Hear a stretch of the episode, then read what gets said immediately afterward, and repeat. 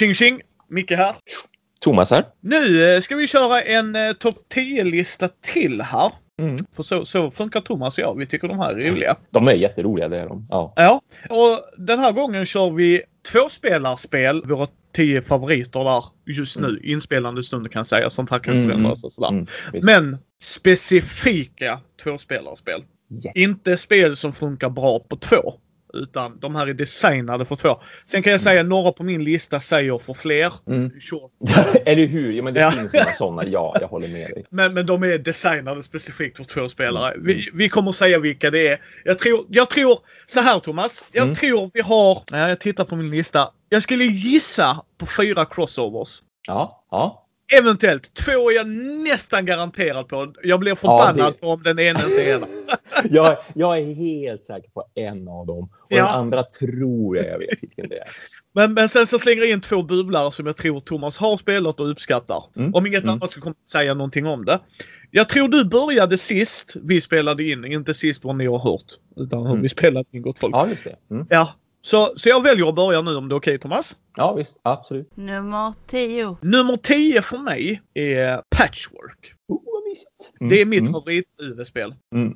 Han gjorde Nusfjord också va? Jajamän, det gjorde Ja, han. jag har inte Ja. spelat det i inspelande stund så jag vet inte om det trumfar Patchwork. Men i inspelande stund, jag gillar inte Agricola. Det är det sämsta spelet ever. Mm, mm. Rent mekaniskt sett är det jättebra men jag säger som Brisse återigen. Det känns som att spelet säger till mig hur jag ska spela spelet. Och det är nog det jag stör mig mest på. Mm. Han har ju gjort Le Havre, kommer jag ihåg, som ändå rätt schysst. Men jag hatar att jag måste mata hela tiden och sådana grejer. Ja. Caverna, det, det gillade jag mer än Agricola. Mm, Så det gjorde mm, jag. mm. Och sen har jag inte spelat Caverna tvåspelarversionen och Le Havre tvåspelarversionen. Så Thomas kanske kommer nämna någon av dem. Det får vi kanske se. Mm. Men jag har inte spelat dem så det är därför. Så av hans spel Patchwork. Och Patchwork har jag och Matti gjort video på den är släppt. Ja, just det. Den Mm. är... Det är att du gör ett lapptäcke. Det är ju temat.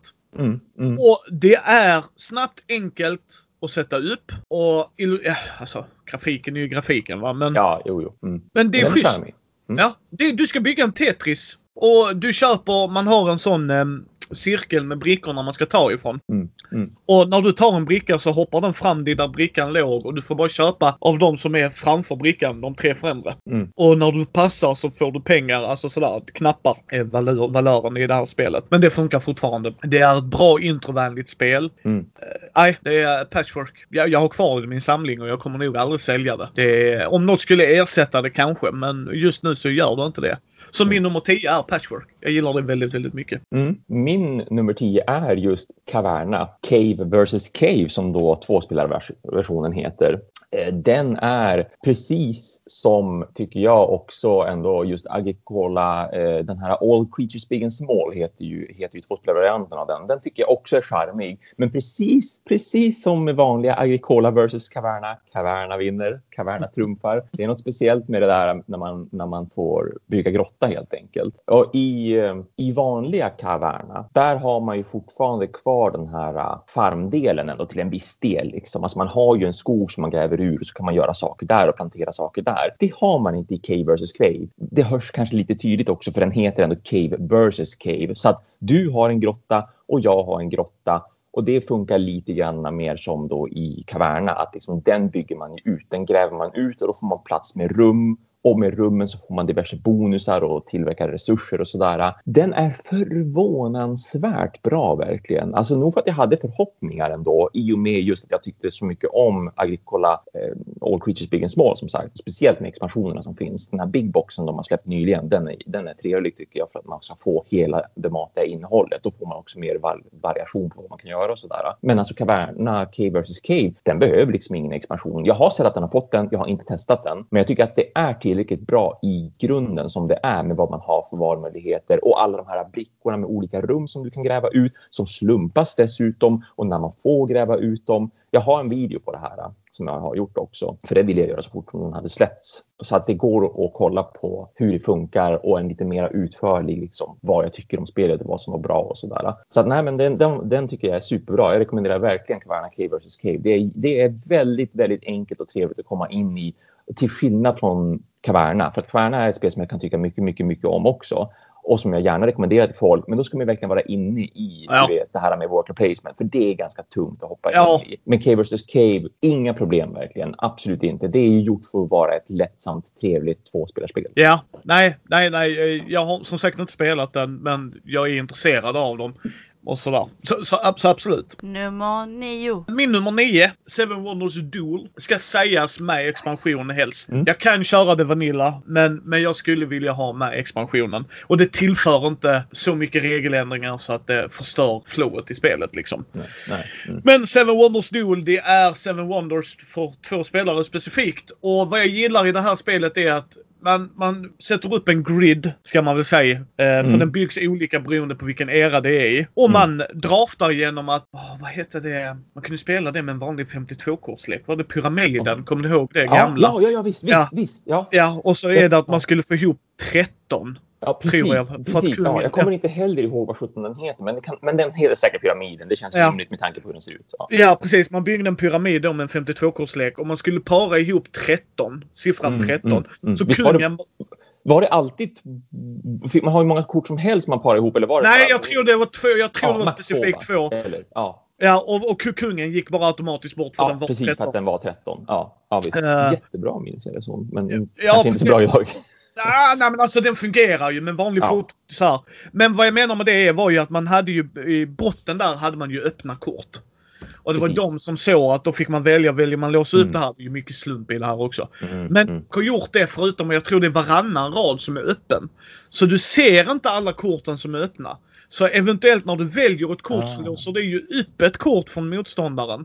Som, eh, Ah, aha nu ja, ja. flippar vi upp detta. Har du inte spelat Seven Wonders Duel? Jo, jo, men inte, inte Pantheon-expansionen. Nej men jag har för mig det, är- det är vanlig setup. Du ser inte säkert ja, men då så. kort. Nej, nej, det gör man ju inte. Jaha, Nej, ja, jag trodde, ja, Nej. jag trodde det var något speciellt med Pantheon. nu. Nej, nej, nej. Pantheon, det kommer jag till snart här. Ah, Men, mm, men liksom, så du ser ju inte vad du låser upp nödvändigtvis. Så det är också en sån här risk and reward.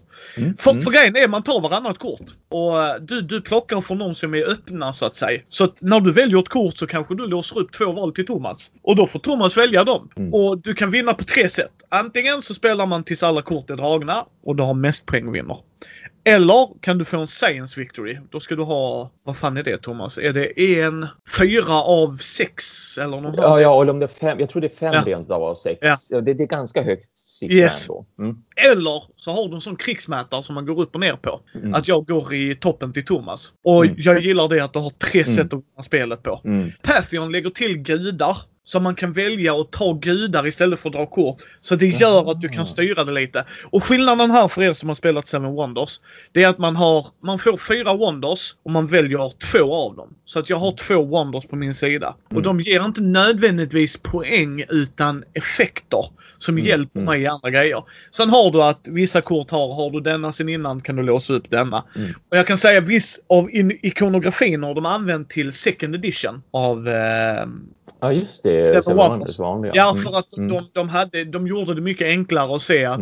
Thomas har den, då får han denna gratis. Mm. I First Edition hade de inte gjort det jättetydligt. I Second hade de tagit lite från Seven Wonders Duel. Och de här Pantheon-gudarna ger dig en effekt. Och det coola med Pantheon-gudarna är att man ska få, eh, om man tar vissa kort så kommer det vara eh, duttar på. Och de duttarna väljer du, eh, säger vilken eh, typ av gud du ska välja. Eller så här gudkolumn du ska välja mellan. Mm. Då väljer du en av dem och den andra får inte se det. Och sen lägger du det antingen, om, om jag lägger den vid dig så är den billigare för dig, dyrare för mig. Mm. Lägger jag den vid mig och sen så går du ut till mitten och så möts det liksom. Och då blir det ju väldigt intressant. Den här vill Thomas ha. Då ska han få betala för detta. Då ska Ah. Thomas få köpa denna. Då kommer han få ha den här borta. Då kommer den vara dyr för Thomas. Ja. Och det är lite såhär katt och råtta-lek där. Men Seven Wonders Duel är ett eh, riktigt bra tvåspelarspel. ja, gud ja. Oj, vad bra den är. Det är jätteofta jag rekommenderar den till kunder i butiken också. Först kollar jag liksom läget. Vad har ni spelat? Har ni testat Patchwork redan? För det är verkligen våran go-to. Alla i Alltså mina kollegor och chefer, de säger också patchwork det första de säger. Och sen går vi lite, sen grenar vi ur lite grann. Jag säger några jag har spelat som inte de har, de säger några de har spelat som inte jag har. Och så brukar vi oftast mötas sen då igen i Seven One Duel. Att, Jaha, men har ni redan spelat det här och det här och det här? Då kanske det är dags att levla upp lite grann. Va? Vad skulle ni tycka om att ha lite mer strategi och valmöjligheter? Seven Wonders Duel är typ det bästa ni kan skaffa i sådana fall som inte tar liksom flera, flera, flera timmar utan fortfarande hårdkokas ner till 30-40 minuter precis som vanliga Seven Wonders kan göra. Ja. Ja, skitbra är det.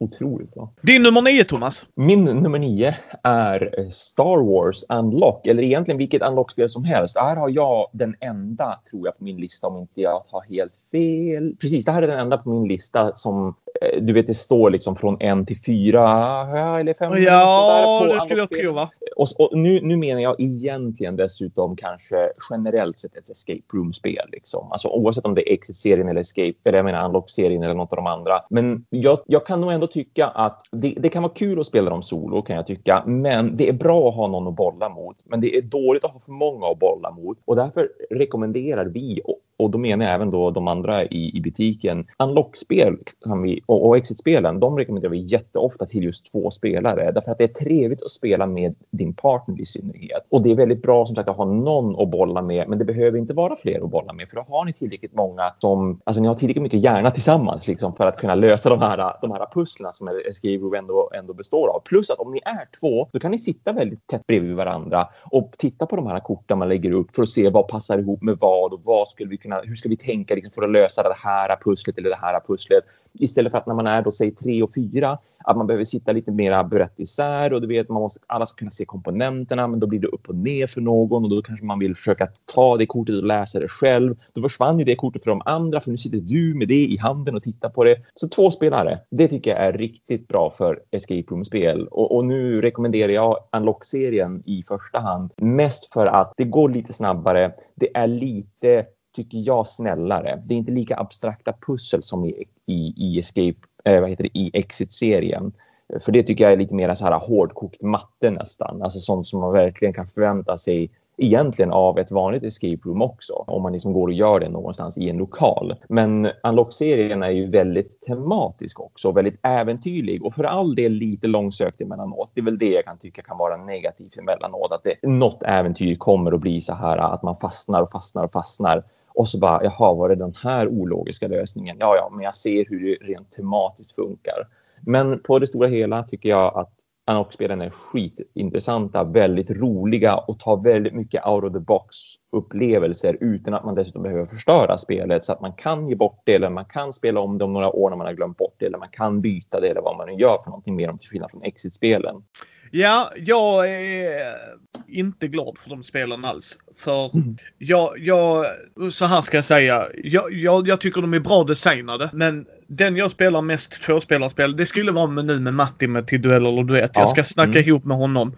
Men att spela med Fredde, alltså Fredde ja, är intelligentare än mig. Alltså, ja. Ja. Fredde är boksmart. Ja, ja men visst. Jo, det ja, vet verkligen. jag också. Ja, ja, ja. Jag kan förstå och, upplevelsen. Och med Fredde är det kul för han, han är väldigt pedagogisk och engagerande.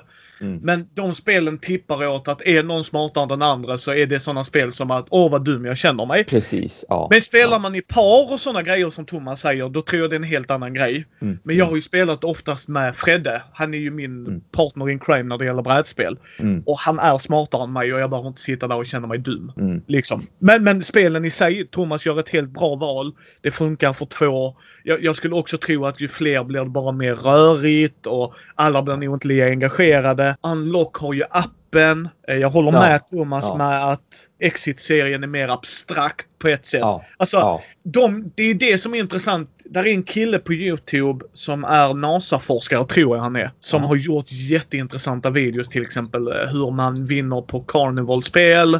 Alltså att han använder matematik till de här grejerna. Och han gjorde matematik, eller så här, han gjorde en hur vinner man exitrum? Ah, och då, mm. en, en av de reglerna är eh, googlade han är jätteintressant att titta på.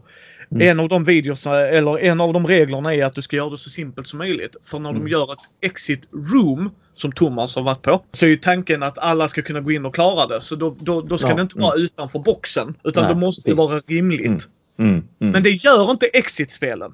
Nej. För där tar de boxen, alltså Skit i det. Nu ska ni verkligen tänka utanför. Ja. Och, men det gör inte Unlock. De håller sig ändå rätt rimligt för att de har ju limitationen med kort och appen. Mm. Mm. Och Ja, nej, så att det, det är absolut för mig nej för att vem jag spelar med. Men Mm. jag, jag ska ge det en chans med Matti. Jag ska prata med Mm, honom. mm, Se om- det, det, men det, det, det, det skulle du- vara intressant med en, en uh, duell duett eh, avsnitt bara för att testa så här, eh, hur det skulle kännas som ett just tvåspelarspel. Precis. Nummer åtta. Vi hoppar raskt över. Mm. In i nummer åtta. Yes, min nummer åtta är ett kortspel ni inte kan få tag på längre. Och det är jättesynd och ni kan hata mig för att jag har grejer som är out of print. Men det skiter jag i gott folk för det här är ett fantastiskt spel. Mm. Det är Versus System. Ah. Eh, och nu kan jag säga, men vadå Versus System Micke? Det kan man ju visst få tag på. Ja, den nya skitvarianten kan ni få tag på. Den kan ni få gärna spela. För det är bara en Magic-klon. Jag avskyr det med som pest och kolera, men det som jag sa till Brisse, jag har ju spelat originalet. Mm. Så att ja, det, det är lite så här, jag, nej, nej. Versus System är ett kortspel från Upper Decker Games där du kan spela Marvel-hjältar, DC-hjältar, lite Dark Horse Comic-hjältar. Vad fan att de inte var igång fortfarande för då hade du fått se Ninja Turtles också kan jag säga det. Eller hur? Ja. Ja, det hade varit så jävla Det episkt. hade varit sjukt episkt. Har du spelat Versus System Thomas? Nej, jag äger faktiskt ett versus system dock. Jag undrar om det inte är det jag har. Undrar om det inte är det jag har ett, en Mortal Kombat-kortlek till faktiskt. Ja, det, det ska... Det har jag för mig är versus system faktiskt. Men, men jag har aldrig, jag har aldrig liksom tittat på reglerna riktigt heller. Utan Nej. jag köpte det ju bara för att jag fick ta på något som så här, intresserar mig tematiskt. Men det är det som är bra med spelet också. Yes. Uh, versus system är, du har x antal kort i din kortlek. Jag kommer tyvärr inte ihåg vad det nu. Jag tror det är 60 kort. Det kan vara mindre. Och till skillnad från Magic och allt det där är att om jag börjar, jag har initiativet. Då, då spelar jag ner ett kort som jag ska ha som resurs och visar liksom att nu kan jag köpa grejer här för ett. Mm. Men det här kortet kan vara vad som helst för min lek. Jag är inte limiterad av mana som i Magic. Jag fastnar inte i det liksom. Utan jag kan lägga ner en gubbe som jag, nej men den här är åtta gubbe. Han kommer jag inte liksom få se nu på ett tag. Så då kan jag lägga ner honom. Mm. Mm. Men då har de också sådana locations som Batcave eller Gotham PD. Jag kommer ta DC-referenser här för jag är DC-fanboy. Liksom som jag kan lägga ner och så kan jag flippa dem för att få en ongoing effekt. Men Mm. där är också plot twist. Dum, dum. Eh, alltså det, det är så tematiskt på ett sätt. Men Mm. efter jag placerat ut min gubbe så är det Thomas tur. Han Mm. gör fortfarande grejer i runda ett. Så du placerar Ah. ut en resurs och lägger ut en gubbe. Ah. Sen går det över till mig igen och då ska jag anfalla. Mm. Sen när det är gjort så går vi och man har 50 liv var tror jag det är. Det är ett tag sedan jag spelar. Jag måste sparka på min kusin så vi spelar lite versus system.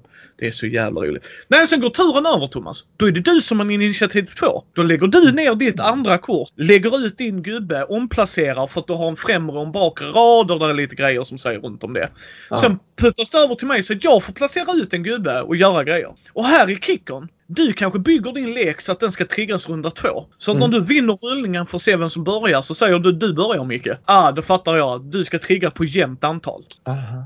Och det är så fantastiskt. Sen, jo, sen går ryktet så här i alla fall. Jag har inte grävt jättemycket nyare i det. Men Upper Decker tryckte sina egna kort och det fick de inte göra. För de, det var med Yu-Gi-Oh! Och då Oh. backade Marvel. Ja. Och när Marvel backade, eller om det var DC, så backade den andra. Så då Ja, förlorade okej. rättigheterna Nej. till att göra versus system. Ja. Så det var inte att de inte... Alltså det var så tramsigt. Allting var så jävla Gud tramsigt. tråkigt. Gud vad tråkigt. Åh, men det är ett fantastiskt, fantastiskt spel. Mm. Sen Mm. gjorde de så att vi kunde spela fler spelare och raida Galactus och sådana grejer. Eh, vi, liksom bossar och det gjorde Mm, de ju i, i eh, World of Warcraft. Ja, precis. Också. också. Ja. Mm. Mm. Men, och, och det var kul i sig, men där är inget annat roligare än att köra en gröna lyktan-lek och möta liksom Injustice League eller eh, köra en JLA-lek. Alltså där är, och så Mm, får man spela Batman. Thomas. Jag har en Batman-lek Ja, såklart. jag förstod ju det. Ja, men visst. och da-. Åh, och, och där fanns en lek som hette Insanity. Jag tror det var Insanity. Som hade, du får bara ett kort. eh, Ett, ett kortslek. Mm. Så att alla 60 korten är ett kort. Så att det, du får inte ha dubbletter eller tredubbla utan allting är ett kort. Och det var ju Jokern och Two-Face och då var det ett kort du skulle singla slant. Mm. Och jag, jag älskar ju The, Da- eh, The Dark Knight, Mm. Batman-filmen, när man får se Heath Ledger som världens bästa eh, live action. Så jag köpte ju det myntet som Ah. Two-Face har där. Så jag Ja, använde ja. det när jag singlade slant ju. Och min kusin bara alltså, det, det är lite, lite tema där också mycket. Men Ja, alltså ja. det var verkligen jävla roligt och vi var väldigt investerade i det och sen så dog det ut och så blev allting rövdyrt. Men skulle ni hitta det här någonstans, äldre versus system, fantastiskt tvåspelarspel om mm. man älskar comics. Älskar du inte comics, hoppa denna. Det är inte svårare än så. Om det är så, men istället för vanliga liksom, amerikanska eller western comics ska jag ka- kalla dem för, att man, att man då gillar de här eh, mer japanska asiatiska comics, alltså typ manga menar jag då, och gillar anime också. Då har jag ju hört, alltså det verkar som att det är någon slags nästan åt det hållet grej med det här Vase Schwarz eller vad det nu heter. Det är också så här kortspel för två spelare och de har bara kastat in varenda typ av anime och manga du kan tänka dig, men också en del amerikanska cartoon-grejer, alltså typ Adventure Time till exempel. Så du kan, du kan slänga in, du vet, men säg typ One Punch Man mot då en Adventure Time-lek. Eller One, time, One Punch Man mot Dragon Ball som ändå är, du vet, de här som är lite mera, ja men det, okay, det är mycket action i den här serien, typ då Dragon Ball eller Attack on Titan till exempel, som också är väldigt mycket action och sådär. Det kan man ju förstå. Men du vet, de kan ha sådana här high school-serier också. Så att typ K-On som är en sån här gammal klassisk musikanime och musikmanga som handlar liksom om, om high school-studenter eller elever som helt enkelt har en musikklubb tillsammans. Ja, men det kan man slåss med också i det här eh, Weiss-Schwarz-systemet. Den har jag tittat på för det, det verkar intressant faktiskt. Jag har kollat på en sån här YouTube-instruktion av hur man Finns det på engelska då? Ja, det finns på engelska. Ja, det är jättestort även i väst nämligen. Ja, för, det, för annars skulle jag säga att det skulle vara eh, Ja, ett absolut. problem liksom. Absolut, ja. Nej, men det, det verkar som att det slog så pass hårt ändå i Du, du måste Japan, skriva. så. Ja, förlåt Ja. mig. Du måste skriva till mig i chatten så jag Mm, kan länka mm. till det. För det, det är ett bra tips. Ja. Om man gillar såna grejer. Men I Mm. vs System är fantastiskt jävla bra. Jag ska försöka få det spelat med Thomas en dag också. Bara för att han ska få prova det. Men det är Ja, så, jättegärna, jättegärna. så jävla bra. Din nummer åtta Thomas.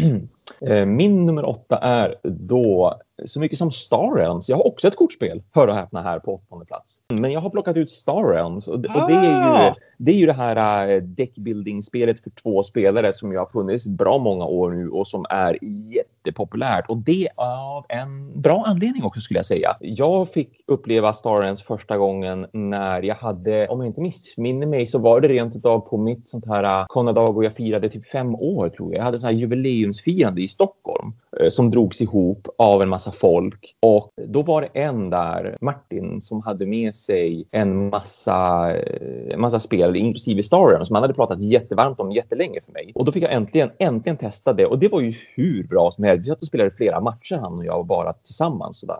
Så eh, det, är som att det är ju en deckbilder, det är som Dominion liksom, eller den typen av spel. Dominion är ändå urfaren tycker jag av just deckbilder där man har sin egen lilla kortlek som man börjar med och du har exakt samma typ av kortlek och med de korten så ska vi liksom bygga en större kortlek som vi tycker funkar på ett bra vis enligt hur vi själva vill spela. Och i det här fallet så är det då eh, rymdtema eh, på det så att jag har rymdskepp och en rymdstation och rymdstationen är den man ska försöka ta ner. Den, den har liksom ett visst antal liv, liksom man ska försöka skjuta ner varandras rymdstation. Och de här rymdskeppen, de liksom hyr man eller köper man till sin kortlek för att då kunna skjuta och anfalla sin motspelare. Så att när man börjar så finns det en marknadsplats som då har ett visst antal rymdskepp tillgängliga och så kan man spendera kort från sin hand för att få ta på nya kort från den här marknaden och sen hamnar allting i en discard pile. Och rinse and repeat, liksom blanda din discard pile så småningom när du har slut på kort från din draghög så att de korten du har köpt kommer du få upp på din hand så att du kan använda dem för att dels få ta på nya kort men också anfalla motspelaren. Och sen kan man också slänga upp typ sköldar och grejer så här tillfälligt så att istället för att motspelaren kan skjuta på din rymdstation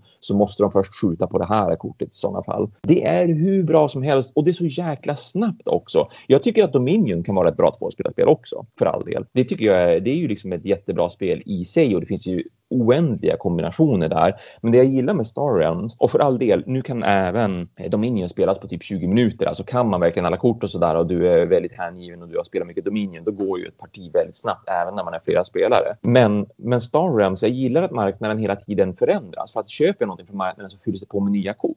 Inte som Dominion, där har du ju de här bestämda korten. Och, det, görs ser man ju. direkt. Ja, precis. Och det görs direkt dessutom. Ja, så att Thomas kan köpa en grej för rätt så kan det komma Ja. upp ett nytt kort. Vilket Ja, gör ja. också att Thomas kan få ångest. Precis. Och där... Åh! Nej, så jag inte råd med den. Åh, precis. Och så nu kan Micke köpa den. Förbannat. Ja, ja.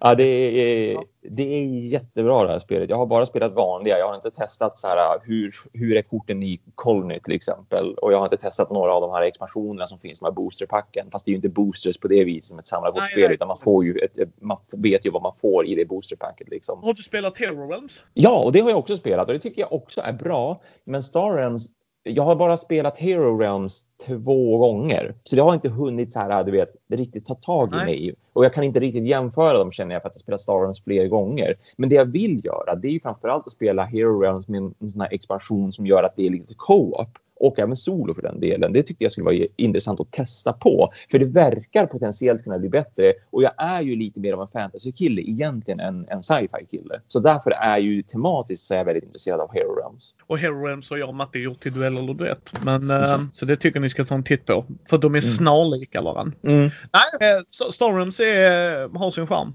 Nummer sju. Min nummer sju, jag, jag tror det här är en av våra cross, crossovers. Och har han inte denna så ska jag åka upp till Thomas och skrika shame. Men det är War of the Rings second edition. Mm. Den är så här långt ner på min lista, men Micke du gillar ju tyngre spel. Det gör jag. Jag älskar tyngre spel. Men det är också vem jag kan spela med. Mm. Och Fredde och jag provar gärna nya grejer. Det gör att jag tar inte fram War of the Ring med vem som helst. Nej! liksom jag går inte ut till Thomas och bara Alexandra, nu ska du och jag spela ett otroligt tematiskt spel. Mm. Nej, nej. Jag, jag tror inte ens jag hade kunnat göra det med, med... Nej, liksom jag bara tänker på någon Martin. Jag tror inte han hade varit investerad jättelänge. Ja, just han gillar IPen. Men det är det som gör det att jag ifrågasätter vem jag kan spela det med. Mm. Med Fredde, inget, inget problem. Jag kan spela allt med Fredde. Men Matti, Elias så. Karin tror jag, Karin och Matti hade nog kunnat tycka att det är tillräckligt intressant. Och ja, sådär mm. liksom. Mm. Men, men det är ett fantastiskt spel. Det ja, är Sagan om ringen liksom i en låda. Mm. Alltså mm. originalböckerna säger jag. Men mm. alltså vad är det? Fellowship of the Ring-serien. Mm. Ena sidan spelar eh, Sauron, andra spelar The Good Guys och ska försöka få ringen in i Mount Doom och de andra mm. ska jaga ifatt The Fellowshipen, roffelstompa dem till Verkligen. Ja, mm. Så att det är ju det vad det är va. Och ja. det roliga där är ju att en av killarna som har gjort War of the Ring har ju också gjort The One Ring rollspelet. Ja, så. Ja, eh, Francisco Nepotello eller vad han heter. Ja, mm. ja. Där är en expansion jag inte har spelat men äger. Så att den, mm. den kan jag inte uttala mig om. Men jag, men jag köper på mig sådana grejer när jag väl gör det. För i tvåspelarspel så en expansion är automatiskt för mig ett tillköp om det går. Mm. För att det kommer ju komma en punkt där man har spelat igenom det så mycket så att det bara en liten förändring kan mm. höja det till skyarna igen. Men min nummer sju är War of the Ring Second Edition för det är den jag har. Har ni First mm. Edition eller tag på First Edition så är det inte sämre. Det är inte så att de har totalt reviderat hela spelet. Nej, nej visst, nej visst. visst. Du får nog samma känsla.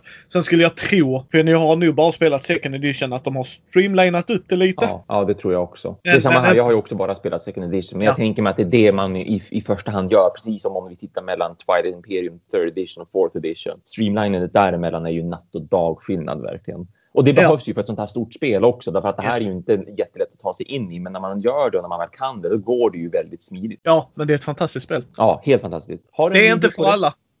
Ja, Nej, men så att det är därför den är så långt ner. Det är för att jag inte mm, kan spela det med alla. Liksom, versus System är ju på åttonde plats för att ja. vem ska jag spela det med? Absolut. Seven ja. Wonders Duel och Patchwork. Det är lite lättare spel som jag gärna spelar med folk. Mm. Men mm. som sagt, jag spelar hellre andra spel. mm. Mm. mm. Så min nummer sju, vad är din? Min nummer sju är Memoir 44. Rent krigsspel. Jättebra krigsspel. Yes, vi har gjort video på det med folk. Yes, samma här. Yes, både jag och Thomas. Jag och Matti gjorde till duell eller duett. Yes, kör Thomas, kör på. Ja, det är, det är ju spelmekaniken som gör det här så sjukt roligt tycker jag. Och det här... Eh, förlåt, för spelsystemet är väl, vad heter det, Color...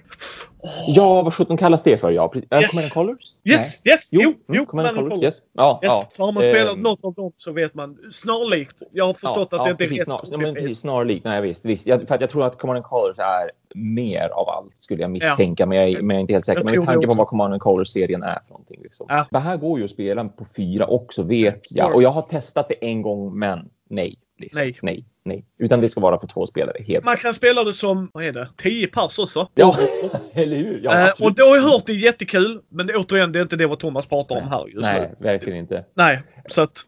Det, det, mekaniken, det är ju det som gör det här så jäkla roligt och intressant. Att spelplanen är uppdelad på tre stycken zoner och att du har spelkort som driver dina trupper. För det är ju då, det är andra världskrig, så att det är ju liksom Axis mot Allies. Och när man då ska göra någonting så är det med spelkort som man gör saker och då talar spelkortet om att du kan göra någonting på den här fronten eller den här eller den här. Liksom, kan du göra någonting på vänstra flanken? Höger, Ja, ja precis. Står ja, det... ja, precis. Står verkligen tydligt sådär. Nej men står det right flank eller står Ja, det... jo, men jag, jag tror att det står right flank Yes. och så left flank och så typ om det heter middle flank eller om det bara heter Ja. middle tror jag nog för att det är inte en flank liksom. Men och det är så så här. Åh, vad ska jag göra nu och när ska jag göra det och vad kommer din motspelare att göra? Och ska jag satsa skitmycket på den här flanken eller ska jag ta? Ska jag sprida ut mig? När ska jag låta saker göra här? Ja, nej, men det är så. Det är så mycket bra valmöjligheter på ett så otroligt enkelt vis. Och det är ju det här som det här är ett så himla bra krigsspel för alla för att alla kan lära sig Memoir 44 och det tar inte liksom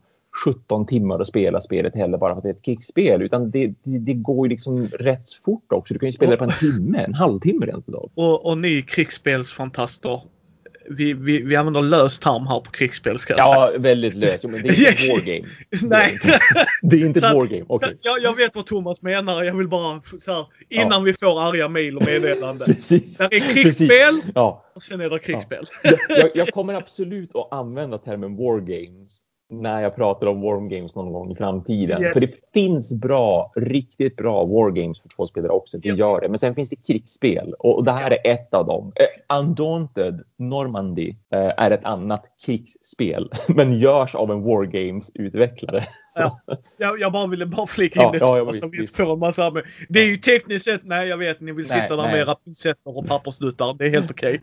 Jag är inte heller ja, och så finns det ju så här specialkort som man kan använda sig av också som, Yes. som är lite mera. Det är ju inte att säga att du flyttar inte trupper på samma vis som när de säger ja, men flytta typ två infanteritrupper på den vänstra flanken till exempel då, utan att det är mera specialgrejer som händer. Hur kul som helst som sagt, jättebra gjort, jättebra. Nummer 6. Min nummer sex, Thomas, Mm. är en crossover. Oh, oh. Ja, Star Realms. Star Realms, ja, Yes. förstås. Ja, jag förstår att du har den högt upp. Jag förstod det. Star Realms, jag har inte spelat, jag säger precis som Thomas, jag har inte spelat Hero Realms tillräckligt mycket för att det ska kunna ersätta Star Realms. Jag har spelat med expansionerna på min surfplatta. Jag har Ja. spelat detta så in i helvete när jag sitter och redigerar och sådana grejer. Det är Ja. så, missförstå mig rätt folk, hjärndött spel. Där är taktik och det, men det kommer till en viss punkt där det blir automation. Ja, Alltså det blir mm. automatiskt liksom, det här kortet är bättre för mig, jag tar det. Mm, Vilket är inte till deras nackdel för att det är ett sånt snabbt enkelt spel. Precis. Så att det Thomas sa, det är ett fantastiskt spel och enda anledningen varför inte Hero Realms är här, jag har inte spelat det tillräckligt mycket för att det ska kunna ersätta. Men Hero Realms ser jag mer, det här måste vi göra som jag sagt, de här topp 10-listorna kommer Thomas och jag göra varannat år tror jag. För att där, då får vi Visst, spela mer och så ser Mm, vi om mm. något ersätts. Precis. Och jag tror Hero Mm. Realms kommer ersätta det. För Mm. jag tror Star Realms har gjort det här också, men i Hero Realms blir det mer logiskt. Du har en hjälte. Ja, visst. Att du kan köpa de boosterpacksen som Thomas säger. Det är inte booster ja. random kort utan du Mm, får så här. Och att du har en dungeon, eller jag vet inte om det är en dungeon, men du har en boss du ska möta så det blir samarbete. mm. Det finns säkert i Hero Realms, men jag tycker, eller Star Realms. Ja, jag, jag tror det. Mm, mm, men med Hero Realms kanske byter ut det. Men nej, snabbt enkelt spel. mm, mm, Jag gillar deckbuildings överlag så att jag är ju inte emot den genren alls. mm. Eh, Som Thomas vet, jag har ju en del som är på mina favoritlistor. Och så här på topp 100 tror jag har tre, fyra stycken. Visst, det ju Ja, 100 spel säkert, men, Ja, ja. men fortfarande genren. Mm. Bara för det står Mm. deckbuilding så backar jag inte. Så Star Realms funkar jättebra på två. Du kan köra det på fler. Jag tror senare utgåvan som de har gjort. Så ja, men du kan köra fyra. Du sitter och inte spelar Star Realms med fyra spelare. Du gör inte det. Nej. Nej, nej men alltså det tar för lång tid för vad det är. Det, nu är vi där igen Thomas. Slump Mm. kontra tid som jag har sagt till folk så många gånger. Star Ja. Funkar för att det är snabbt på två spelare. Vissa gånger så drar det ut på tiden för att jag slår på Thomas, han läker sig. Jag slår Mm. på Thomas, han läker sig. Mm. Ja, absolut. Men en på tio har jag upplevt det nu. Bara killgissar jag med siffrorna här. Men jag tycker inte det är överhängande. På tre, fyra spelare glöm det. Är jag inte intresserad av. Jag, kommer aldrig, jag har inte, kommer inte spela det. Mm, mm. The War of the Ring kunde man också spela på. Mellan. Nej, man spelar det. Det är Ja. ett tvåspelarspel Alltså. För, för all del att om man spelar på fyra då så kan det bli eh, något, på något vis lite lättare att introducera sig själv till spelet därför att man har lite mindre att tänka på. För det är ju väldigt mycket som händer överallt. Man kan dela upp vad man ska göra, men man ska sen spela det på riktigt på två spelare. Det är så det ska spelas. Men i alla fall, min nummer sexa är Star Realms. Vår Mm. första crossover, Thomas. Mm. Din nummer sex? Min nummer sex är ett spel som inte går att få tag på och, och som tyvärr är väldigt dyrt att få tag på. Är det Twilight Imperium 3? det ska man spela på två. Det hade varit så bra. Så gillar du inte fyran? Jo, men fyran det är för åtta spelare, men trean den är för två. Exakt, den är för två. Ja, visst, visst. Gå ännu längre tillbaka i tiden och ta två andra utgåvor. Nej, nej, så, nej, first edition. First edition. Jättesvår att få tag på. Men det funkade faktiskt bra på. Ah, mm, ja. Nej, vad är det för? Nej, eh, det Star Wars, The Queen's Gambit. Åh, hade någon bett mig gissa så Ja. nu när du slår mig eftersom du äger det. Precis, Så, precis. eftersom jag jag äger det. Det här vill jag spela med dig Thomas. Det har vi Yes. missat varje gång vi har träffats. Men Yes. det måste Oj. vi måste ha. Ja. Ja, ja det, det här är så himla bra och det är också så himla tematiskt. Och det är Dock- liksom... Det tråkiga på en av de sämsta Star Wars-filmerna. Ja, det är ju Phantom det. Menace. Precis. Det är så lustigt att man har fått ihop något så bra. Och att det är Avalon Hill också va? Ja, det är ju det. Det är liksom så att det är två grejer som borde egentligen vara emot det. Ja, Avalon exakt. Hill har gjort många bra grejer också gott folk. Ja, Absolut. ja, ja, visst. visst Men, men ändå liksom kombon där. Ja, ja. Speciellt här vad de gjorde för spel. Vad de, vad de gör nu och vad de gjorde då. För att jag tycker att de producerar mera bra spel nu och väldigt brett så här också. Men gamla Avalon Hill i synnerhet. Och det här är ju från 2000. Det tycker jag vi kan räkna som gammalt också. Det är 20 år sedan liksom. Det, det Då var de ju väldigt mycket och gjorde krigsspel framför allt. Ja. Och det här är ju ett krigsspel för två spelare med Star Wars-tema då. Där man, som att det, tar, det, det utspelas under The Phantom Menace och det är slutet av Phantom Menace. Och det är tre spelplaner samtidigt som man spelar på. Du får spela Man- Gungans där va? Ja, det får man. Jajamän. För det är ju, den, den ena spelplanen är ju det här stora fältet. Men- Jag vet hur gärna du vill vara dem. Yes! Gissa vilken vilken ska spela. Annars brukar jag alltid vara Imperiet. Ja, men i det här fallet så förstår jag att du Ja, byta sida. Gungans! Det, det, det, det är den ena spelplanen då. Det är det här stora gröna fältet som de slåss på. Där det är Gungans mot alla droids. Ja. Och det är lite så här äh, memoaraktigt att, att det är hexagoner. Och du har trupper i varje hexagonruta. Och det är som max tror jag fyra figurer per ruta. Det är liksom allt från bara en upp till fyra beroende på om det är ett fordon eller om det är infanterist, äh, infanterister. Och hur många, alltså vilken typ av infanterist. För en del finns det bara två åt gången av och vissa finns det upp till fyra av. Typ battle Royce För de ska ju ändå swarma verkligen. Det ska finnas många av dem. Men sen har du ju också en spelplan som är att man är ute i rymden med Anakin Skywalker. När han har hoppat in i du vet, den här starfighten och bara kör iväg mot den här stationen som håller den här skölden som gör att just alla gangens har sådana problem nere på ytan. För de problemen har du när du spelar då eh, liksom gangen, vad heter det, sidan. Att det finns ju en, en sköld som är svår att penetrera och du kan, eller nej inte skölden, vad säger jag? Jag menar ju droiderna. Herregud, Ja. skölden är ju, är ju Gungans. Ursäkta, ursäkta. Det här borde jag kunna, men det är ju Star Wars Phantom Menace. Liksom. Hur många gånger har vi sett Va, den har, du egentligen? har du inte memorerat den filmen? Nej, nej, det har jag inte. Hur många, hur många försöker att memorera den? Hur många försöker att bara glömma bort vad den handlar om lite grann? Men, men, men eh, sista 10-15 minuterna, awesome. En av de bästa duellfighterna trots allt och en av de bästa soundtracken tycker jag. Just, Ja, just alltså, uh, Duel of Fates. Men nej, så det, det man försöker göra på, eh, på den spelplanen med Anakin, det är att hans skepp ska försöka liksom manövrera sig förbi en massa fighters och så in i den här rymdstationen och spränga den så att kontrollenheten så att säga som kontrollerar alla droids bara så att alla droids på slagfältet där nere bara kopplar ner sig. För de är ju för många och för starka. Så att som spelare när du sitter och spelar med Gungans på just den spelplanen, då har du ett jättestort, du är i ett jättestort underläge. Det är du verkligen, för du har inte den typen av eldkraft. Det är tack vare skölden som det går lite bra liksom för dem. Men det är framför allt att du måste verkligen försöka slå ut dem bara genom att stänga av dem så att säga. Men sen då den tredje spelplanen, ja just det, det är faktiskt fyra spelplaner på ett vis. Det är, det är tre spelplaner man bygger upp, men det finns fyra saker man gör. Den tredje spelplanen, Det är väl Det eh, är- och eh, Obi-Wan va? Ja, men precis. För, för den är en del av den här rymdstationsspelplanen. En liten del av den är tillägnad Qui-Gon, Obi-Wan och Darth Maul, att de håller ju på att slåss mot varandra. Och allting är ju som ihopkopplat också. Det är ju viktigt att vinna varje fight därför att det kommer att ge dig någonting. Liksom. Det kommer att ge dig ett, ett uh, underläge eller så hamnar du i överläge på något annat ställe också. Så det, det sitter ju ihop. Och den sista faktiska spelplanen som man bygger ihop och som har egna duttar på sig och sådär.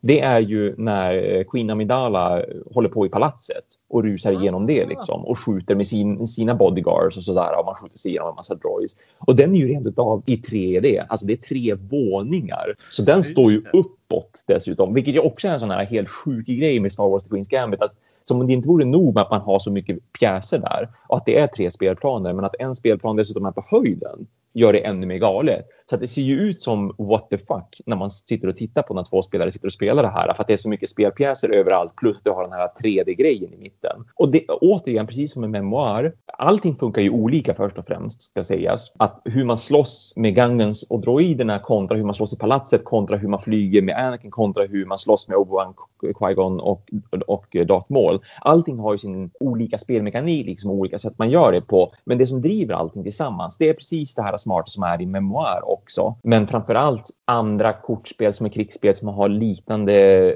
spel vad gäller korten. För det är kortdrivet, men korten säger gör det här och det här. Eller så säger de gör det här eller det här. Bara, ja. Du spelar ut ett kort som säger nu, det här kortet är i Feed Palace. Du kan antingen aktivera här, två stycken enheter droider eller så kan du aktivera det här. Du kan antingen göra någonting med Queen Amidala eller göra någonting med upp till två stycken bodyguard units. Liksom. Så att man, måste, man sitter många gånger och väljer att vänta nu, vill jag röra Darth Maul och göra en attack med honom? Eller vill jag göra det här med de här battle droidsen istället? Ja, ja nej, jag, jag vill spela det. Det, det är inget snack om det.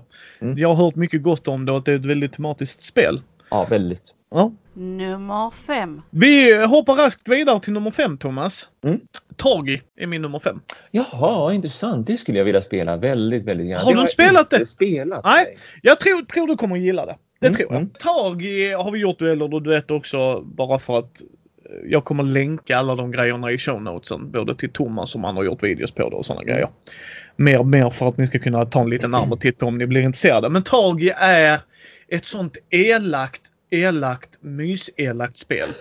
För du har en yttre, yttre ring kan man väl säga med kort och du ska sätta ut två gubbar på den kortet. Men där får inte vara någonting mitt emot där du sätter på den eh, ringen. Eller mm. rad, eller kan man väl säga. Eller den är egentligen rektangulär. Så sätter jag på ena sidan för Thomas eller jag inte sätta på andra sidan. Alltså tvärs mm. Precis mitt emot den. Eller är det tre gubbar? Jag ber om ursäkt. Det var ett tag sedan jag spelade. Men jag, jag, jag gillar det som fan. För att sen har du två cylindrar i mitten. Mm. Där du kommer placera ut och få lite resurser och sådana grejer som i sin tur förvandlas om till poäng och sådana grejer. Mm. Och det finns inget roligare än att sätta så att Matti inte kan få välja det han vill ha. Där sätter jag. Jaha, då kan jag inte ta den. När är det ett kort som kan gå förbi det? Jag har inte spelat med expansionen. Det ser jag fram emot att faktiskt göra. Men det här var ett av de spelen jag och Matti bara wow. Det här var riktigt bra. Och det är ju från Cosmos Two Player Series. Yes. Mm. Och de är kända för att, inte alla, men att de ändå fokuserar just det här. Det här är ju bara för två spelare. Ja, det, är liksom, det finns inte ens för något annat. Nu, nu inser jag att mina andra fyra spel har med krig att göra, Thomas. ja, jag vet ett av dem. Yes. Det är en crossover. Det, yes. det, vet, det vet du och jag. ja. Undrar om den kommer på samma plats. Jag tror ja, det. Jag hoppas det. Ja, det tror ja. jag också. Ja, men, eh, men Tagi, det funkar. Alltså det funkar. Ja, ja. Jag, jag, rekommenderar folk att ta en titt på den videon och, eh, och införskaffa det och spela med sin partner. Det är inte... Mm. Jag, jag, beskriver det jättedåligt. Det är bättre att gå in och ta en titt på den videon. Jag tror Lär dig spela Lars också gjort en video på det. Det, det, det känns bekant. Ja, yes. det känns... Så ta en titt där också. Jag kommer länka så mycket som jag kan i show notesen. Men Tagi, min nummer fem. Din femma, Thomas? Min femma är Seven Wonders Duel. Så här kommer den till ah! Så högt upp har jag placerat den. Som sagt, det är ju en sån här... Ja, vi nämner den jätteofta i butiken. Det är inte vårt första go-to så här. Jaha, ni vill ha tvåspelarspel och ni har inte spelat någonting sedan tidigare. Vad sägs om att hoppa in i Seven Wonders Duel? För det kan bli lite mycket kan vi tycka. Men, men jag är väldigt snabb på att nämna det och det är ju kollegorna också. Så fort som man ändå är van vid att spela lite grann, då tycker jag men ta en titt på det här. Därför att det är så få spel för två spelare som är riktigt matigt och riktigt bra. Liksom. De flesta görs ändå ganska enkelt, som till exempel Patchwork eller som till exempel Jaipur. Ja. Så därför, därför som sagt, det är en, det är en riktig go-to. Eh, Jag, jag är väldigt peppad på att se vad den här nya expansionen Agora ska, ska lägga till för någonting. För jag har inte kollat så mycket på den. Jag vet bara att det finns ett, till- ett till sätt att vinna på, någonting med en senat. Eh, Men, men jag har inte kollat upp så mycket mer än så. Men jag tycker att det låter intressant. Jag hoppas det blir balanserat bara för att jag tycker att det är perfekt som det är med de här tre olika vinstsätten som Seven Wonders Duel har. Och det är det som gör spelet ännu mer intressant att spela. Att få ett fjärde sätt ska bli kul att titta på. Yes. Nummer fyra. Men då hoppar vi vidare tycker jag Thomas, för vi har Ja. bägge pratat om Seven. Wonders Duel. Min nummer fyra, jag vet inte om Thomas har spelat denna. Blitzkrieg! World War 2 in 20 minutes. Nej, visst, jag har velat spela den. Jag har tittat på videos och sådär. Jag har varit nära att köpa den. Men det är just det här att det är så sällan jag spelar tvåspelarspel, så därför vart det att nej, men jag låter det här ligga. Och visst, jag såg någon slags solovariant också, men jag tyckte att det var lite för light för att jag skulle vilja ha det solo. Det, det verkar vara för mycket slump med den här AI de hade, utan det här vill jag spela med en människa. Ja, vi har ju spelat, eh, jag och Matti, och spelat in Blitzkrieg. Eh, antingen så är det släppt och då länkar jag. Är det inte gjort det så får ni titta sådär. Men det är ju ett tug of war på varje stridsfält. Mm. Och du har en påse där du drar ut tokens ifrån. Och så kan jag försöka putta en mätare. Så du försöker vinna så många som möjligt av dem för att komma upp till en viss vinstpoäng. Matti gillar inte den här lika mycket men jag tyckte det var väldigt charmande och det var ungefär i 20 minuter. Det är otroligt abstrakt. Alltså Ja, otroligt ja abstrakt. det är det. Jätte, jätte. Ja. Men, men jag tyckte det var väldigt så roligt att placera ut och välja var man gjorde. Alltså vilket slag Mm. vill man vinna och sådana grejer. Mm. Så Blitzkrieg, World War 2 in 20 minutes. Fått jättebra eh, betyg och Ja. omdöme överlag, så att absolut. Jag, jag, jag är glad att höra det på din lista. Din nummer fyra Thomas. Det är Lord of the Rings The Confrontation. Tyvärr ytterligare ett spel som eh, är väldigt svårt att få tag på idag. Och det är ju helt enkelt det gamla Stratego fast ännu bättre för att det framförallt är så himla snabbspelat. Jag tycker att Stratego är ett jättebra tvåspelarspel än idag, men det är otroligt sällan jag rekommenderar det för jag tycker samtidigt att det finns lite bättre spel. Men, men, men ibland kommer de här lite mer nischade människorna, du vet, som de gärna vill ha ett krigsspel, men det ska inte vara ett krigs, krigsspel. Eller de vill ha något som är lite mer abstrakt än om jag då nämner till exempel Patchwork och Seven Wonder Duel. Och då brukar jag nämna Stratego så fort som jag faktiskt kan komma ihåg det. Jag spelade jättemycket Stratego när jag var liten och det är ju det här spelet ni vet där man har eh, så här små plast som man kallar det för plaststötter. Ja men, ja, men ramar, precis tack. Ramar som står på fötter helt enkelt. Yes. Plastfötter. Och du ser en gubbe och en siffra på den här ramen. För det sitter ett litet kort i den ramen såklart då. Och du har en hel armé av sådana som står på din sida av spelplanen. Och motspelaren har en lika stor armé på sin sida av sådana här plastramar på fötter. Och så går man med dem. Man turas om med att gå dem ett steg, ett steg, ett steg, ett steg. Och så småningom kommer de mötas på slagfältet. Så att när två stycken ramar möter varandra, när två spelpjäser möter varandra, då vänder man på dem och tittar. Okej, jag hade en sjua, du hade en femma, alltså vinner jag för att sju är högre än fem.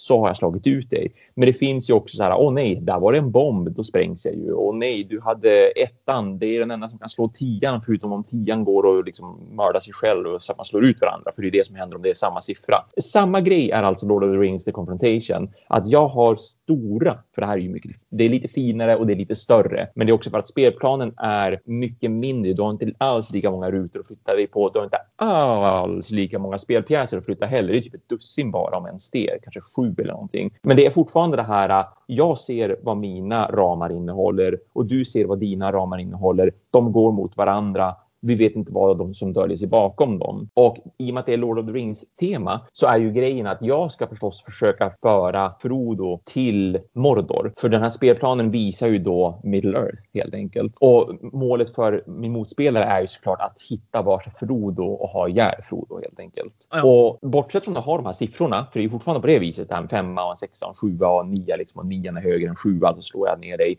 Men med specialegenskaper. Varje karaktär har någonting special. Någon kan gå diagonalt fastän du inte ska få gå diagonalt. Liksom. Eller någon kan gå sidled fastän du inte ska få kunna gå sidled. Eller, eh, och den här typ Gandalf kan alltid slå Balrogen fastän Balrogen är det högsta som motspelaren har, alltså den sidan, den onda sidan så att säga och så vidare. Mycket sådana här små specialgrejer då, som gör att det blir intressant och roligt och det blir ännu mer av en tankenöt och en mer spännande sådan när spelplanen är så himla liten att man väldigt snabbt ändå kommer över till den andra sidan och att du har så få spelpjäser dessutom som har de här specialegenskaperna istället. Jättebra strategovariant som går otroligt mycket snabbare att spela dessutom. Men tyvärr som sagt är väldigt svårt att få tag på. Ja, eh, jag har spelat det. Jag håller med Thomas faktiskt. Det, mm. det är mycket, mycket bra. Nummer tre. Vi hoppar raskt vidare tycker jag. Mm. En crossover till Thomas. Ja. Memoir 44. Nice! Ja, yes. just det. Dina krigsspel. Ja. Yes. gjort, Kul! Som sagt, gjort video på det här med ju. Det är som Thomas säger. Scenarierna är inte i din favör nödvändigtvis. De har försökt göra det historiskt korrekt. Mm. Där är historiskt fluff om det är det du bryr dig om. Alltså att de faktiskt har tagit sig tiden. Liksom ja, att det, det, här slagfältet och där. Du behöver inte läsa det, men jag tycker det är respektfullt av dem att faktiskt... Oh ja! För, för det är ett... Oh ja väldigt så här känsligt tema på så många ja, sätt och vis. Ja. Det är ju ett hemskt krig på så många mm. nivåer. Mm. Men de har ändå tagit, här är historien bakom slaget. Det här är mm. varför de skulle in och sådana grejer. Och du har dina tre flanker. Det är så jävla bra gjort. Tärningarna, det är lite Mary Trashigt. Det är fantastiskt på två. Jag skulle vilja när vi kan gå på konvent ta Thomas, Matti och köra Overlord med er lyssnare som är på konventet. Och att vi ska mm. faktiskt kunna göra en sån riktig grej av det. Men mm. fantastisk produktionsvärde. Days of Wonder håller i det. Alltså det är åh, så riktigt, riktigt bra. Så min nummer tre är Memoir 44. Din trea Thomas? Jag har Uwe här.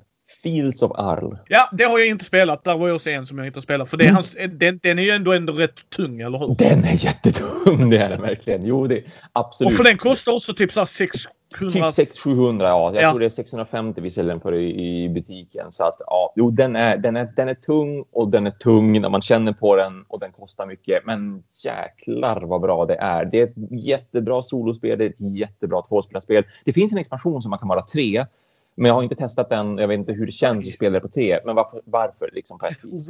Det, jag tycker att det var jättekul att, att de vågade göra, eller han vågade göra liksom ett av sina spel som var så här pass stort och matigt som ett kaverna liksom. Men för bara en och två spelare. Det, är liksom, det är det som är poängen också. Det är jättekul att han har något som erbjuds som är för en till två spelare, inte de här en till fyra som man normalt sett brukar göra. Och i Fields of Idle, det här är också ett worker placement-spel, så man ska ju placera ut arbetare och man har ett jordbruk och man tillverkar resurser och vad man har är, ni, ni har varsitt gods som ser ut som skit egentligen. Massvis med våtmark. Man har en ensam häst i sin hage och, och, och man har bara två stycken riktiga åkermarker som man verkligen kan jobba med. Allt annat är bara våtmark liksom. Och då ska man med lite arbete dränera den här eh, våtmarken och man plockar en massa torv och då får man mer utrymme att kunna placera ut byggnader och grejer på. För det är ju som ett vanligt liksom Agricola-spel på ett, eh, eller ett vanligt Uwe Rosenberg-spel får man väl på ett vis säga. Liksom att det gäller att ha mycket utrymme för på utrymmet kan man då eh, producera resurser och tillverka gods eller varor rättare sagt. Och det är det det handlar om också att under nio spelrundor så producerar man så mycket som möjligt och samlar poäng på att så här, låta godset växa och att producera råvaror som man sen också kan Eh, omvandla till produkter. Det som jag tycker är otroligt nice med det här spelet framför allt, det är att man har två stycken, eh, två stycken årstider. Att man har, man har ett första halvår och ett andra halvår där det är så här, du vet, sommar och vår och trevligt och det växer mycket. Men sen har du vintern också som inte är lika trevlig, men du kan samla in vissa saker och dessutom så kommer vissa djur att så här producera typ ull, producera fåren till exempel. Och sen det som gör det så jäkla kul, det är att utöver att ha alla de här klassiska worker placement grejerna som typ nu samlar jag in ved och nu samlar jag in sten och nu producerar jag typ tyg eller vad det är för någonting efter att man har byggt upp lite grejer så man kan producera tyg och göra det själv. Då har du verktyg och de är väldigt centrala för spelet. För de här verktygen har olika nivåer på sig. Hur stark är din yxa? Hur stark är din hammare och så vidare? Och ju mer du uppgraderar ditt verktyg, vilket dock kostar dig tid och resurser att göra. Och för de tiderna och resurserna skulle du ju lika gärna kunna bygga på gården eller producera en vara som du kan sälja och få poäng för. Men att uppgradera verktygen gör att dina handlingar i framtiden blir mer kraftfulla har du en bra yxa får du mer trä när du liksom hämtar trä och så vidare. Så man vill ju göra det, men samtidigt är det så här, oh, ah, fast mm, om jag inte gör det här nu, tänk om du gör det då? Det är ju ett worker placement. Om du ställer din arbetare här kan inte jag ställa min arbetare där. Liksom, den typen av tävling existerar ju såklart här också. Det är hur bra som helst. Det är, det är, jag tycker det är lagom mycket att hålla reda på. Alla de här handlingarna som man har, vad man Ja. kan göra för någonting och de här verktygen och hur de påverkar de här handlingarna. Liksom. Jag tycker det är ett jättebra, ett jättebra tvåspelarspel hoppa in i så länge man gillar worker placement. Men som sagt, det, det är ju lite tyngre än ett vanligt worker placement. Det är ändå Uwe Rosenberg och han gör ju generellt sett ganska tunga spel ändå. Nusfjord är ett bra undantag, för jag har inte spelat det. Jag har tittat på det. Jag har hört från Måns som har spelat det och det, det känns som att det är ett mycket, mycket, mycket lightare Uwe Rosenberg-spel än vad han brukar göra och det var därför också det kanske tog en liten smäll när det släpptes. Att det var inte lika, lika populärt som till exempel när Fields släpptes eller Feast for Odin för att han generellt sett gör mycket tyngre spel spela vad Nusfjord gjorde. Men även om det här är lite tungt så som sagt, det är jättebra verkligen. Det kommer att vara lite nischat. Det här är verkligen för er som gillar worker placements och som har lite spel under bältet redan sedan tidigare, kanske har spelat Nusfjord och vill gå vidare någonstans. Och det är så jag brukar förklara i butiken också när jag visar upp det för folk som är intresserade av worker placement. Ja, men okej, var har ni, vad har ni spelat för någonting? Om ni inte är på den här nivån kanske ni ska börja här istället och sen kan ni gå vidare hit upp. Jättebra spel. Du har verkligen sålt in dig. Jag måste ta en djupare titt på det. Nummer två. Vi hoppar raskt vidare. Min nummer två. Undaunted Normandy. Oh, vad kul! Yes. Jag har inte spelat eh, North Africa. Nej, inte jag heller. Så det, det kommer ju spelas. Det, det kommer det göra. Mm. Antingen i duell eller duett eller vad fasiken. Gjort video på den här med. Med älskade hederscrewmembern Brisse. Mm. Det är ett deckbuilding area control vill jag säga. Alltså såhär dudes Ja, on a mm. map-ish. Mm, mm. Så du bygger din lek och eh, varje scenario är annorlunda. Mm. Där, där är inte så mycket jag, jag kan säga som alla andra har gjort. Men det, det är ett intressant sätt att använda ett lekbyggarspel på. Illustrationerna är snygga. Bara att sätta namn på korten du skjuter ut är Ja. på en nivå som bara förvånar mig. Ja, ja. Men Undaunted Normandy är så bra som folk säger faktiskt. Det är ett jättebra tvåspelarspel. Om du gillar lekbyggen, vill ta det till nästa nivå. Fantastiskt intressant spel.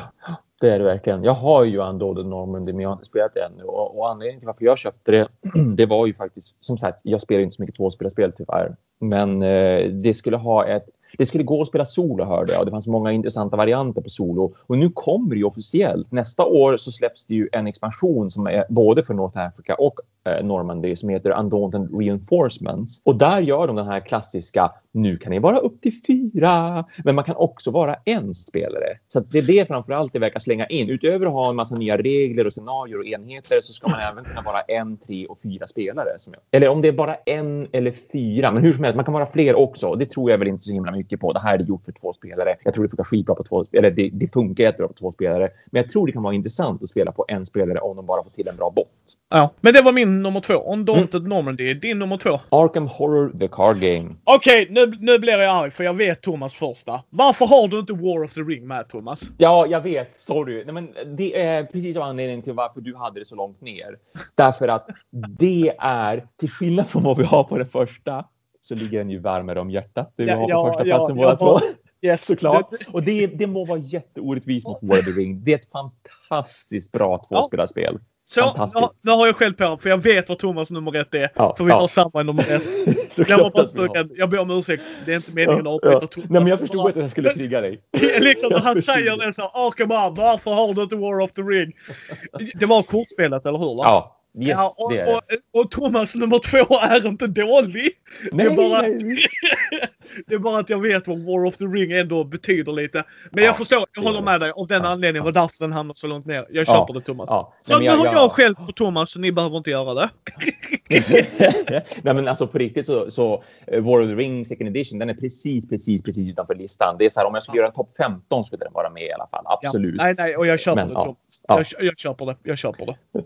Arkham Horror kortspelet, det är LCG. ju så. Ja, LCG, liksom Living Card Game. Det är ju så himla bra för att det är så otroligt tematiskt och atmosfäriskt. Det är ju jättehäftigt. Och de följer samma tema. Alltså du har lite hopp kvar. Låt mig förändra det. Ja, Låt mig örfila dig med min ringhand. Snälla. Ja, ja, jo. Mm. Shit ska vara not. elak. Ja, ja, det är det är som Thomas säger.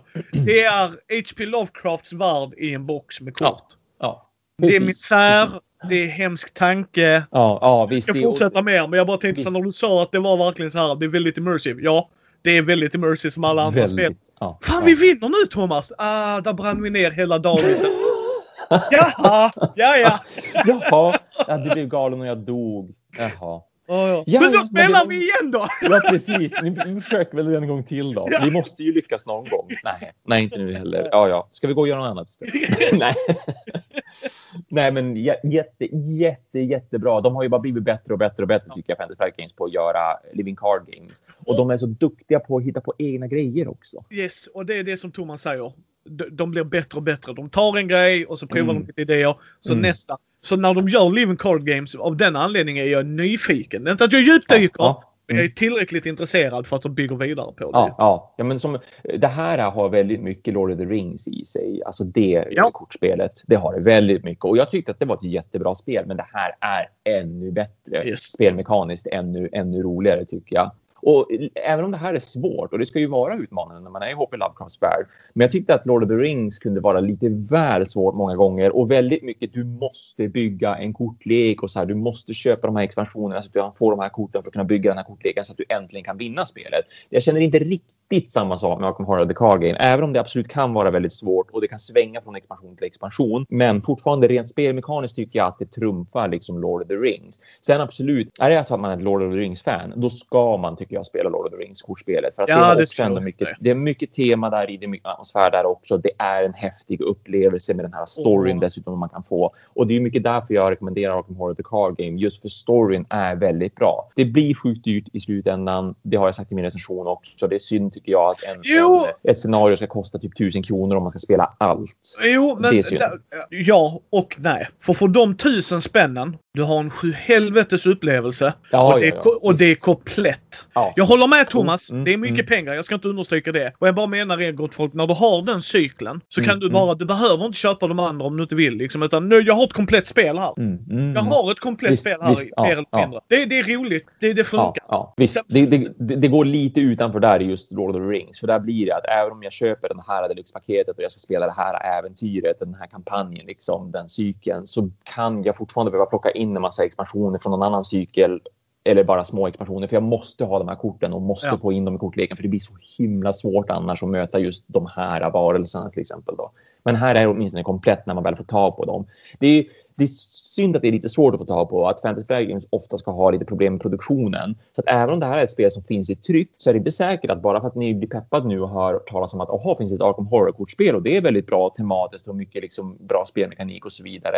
Ja, fast var inte så säker på att du kan få tag på en hel cykel. Du kanske får tag på ett deluxe-paket och, och, och paket nummer fem och tre därifrån. Men du får inte ta på alla åtta paketen utan du kanske måste leta runt i världen för att Ja. få tag på det eller du måste vänta in att din butik ska få tag på det. Och det är så himla synd att produktionen är så ojämn där att, att eh, man inte kan spela färdigt en cykel därför att man saknar ett paket i det. Ja, Ja, ja, men ja. jättebra är det. Nummer ett. Vi hoppar raskt till nummer ett. Det är Ja. Star Wars Rebellion. Det är Star. Wars Rebellion. Det är ju det för oss båda. Jajamän. Oj, oj, oj. Det, det är inget snack om det. Vi Nej, har pratat nej. om det så många gånger innan. Ja. Det är Star Wars i en låda.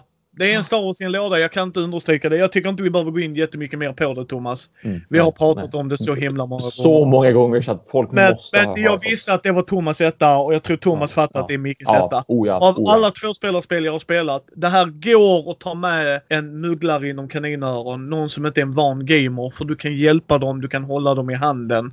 Det är, Mm. Viss information är hemlig, men inte så att det förstör för alla andra. Det Mm. vill säga, jag skulle tipsa om ni ska lära ut det, låt dem vara imperiet. Och, Absolut. och, och vara rebellerna själv. Absolut. För Ja. rebellerna Ja. har den liksom, var är jag någonstans? Jag ska inte visa var jag är någonstans och sådana grejer. mm. Men det är ett fantastiskt tvåspelsspel. Ja, helt gudomligt faktiskt. Ja, alltså, det, det är är- så bra så vi kan inte understryka det tillräckligt många gånger Alltså det...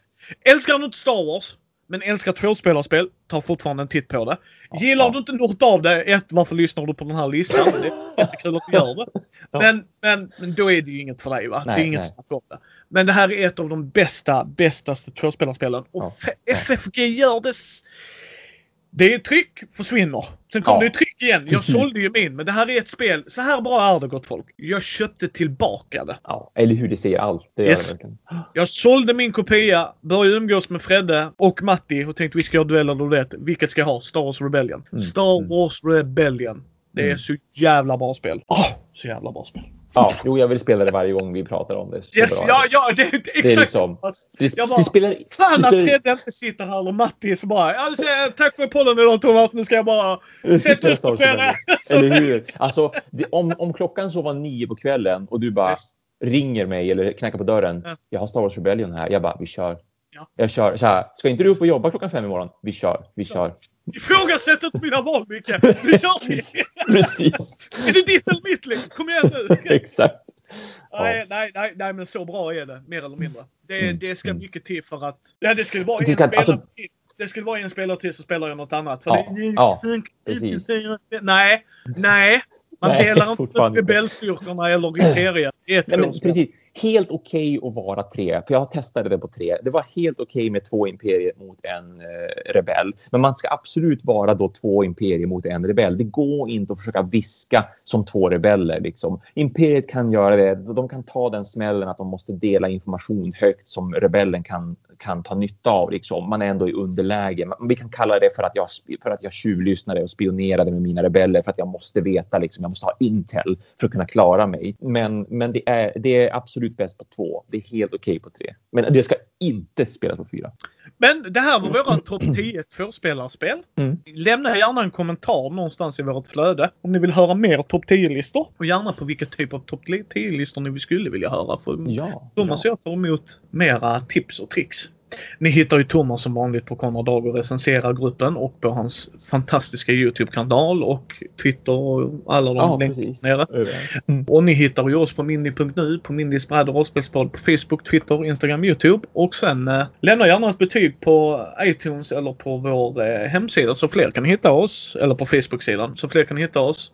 Och vill ni stötta oss, ta en titt på vår Patreon. Så hörs vi nästa gång Thomas! Det gör vi. Tackar mycket.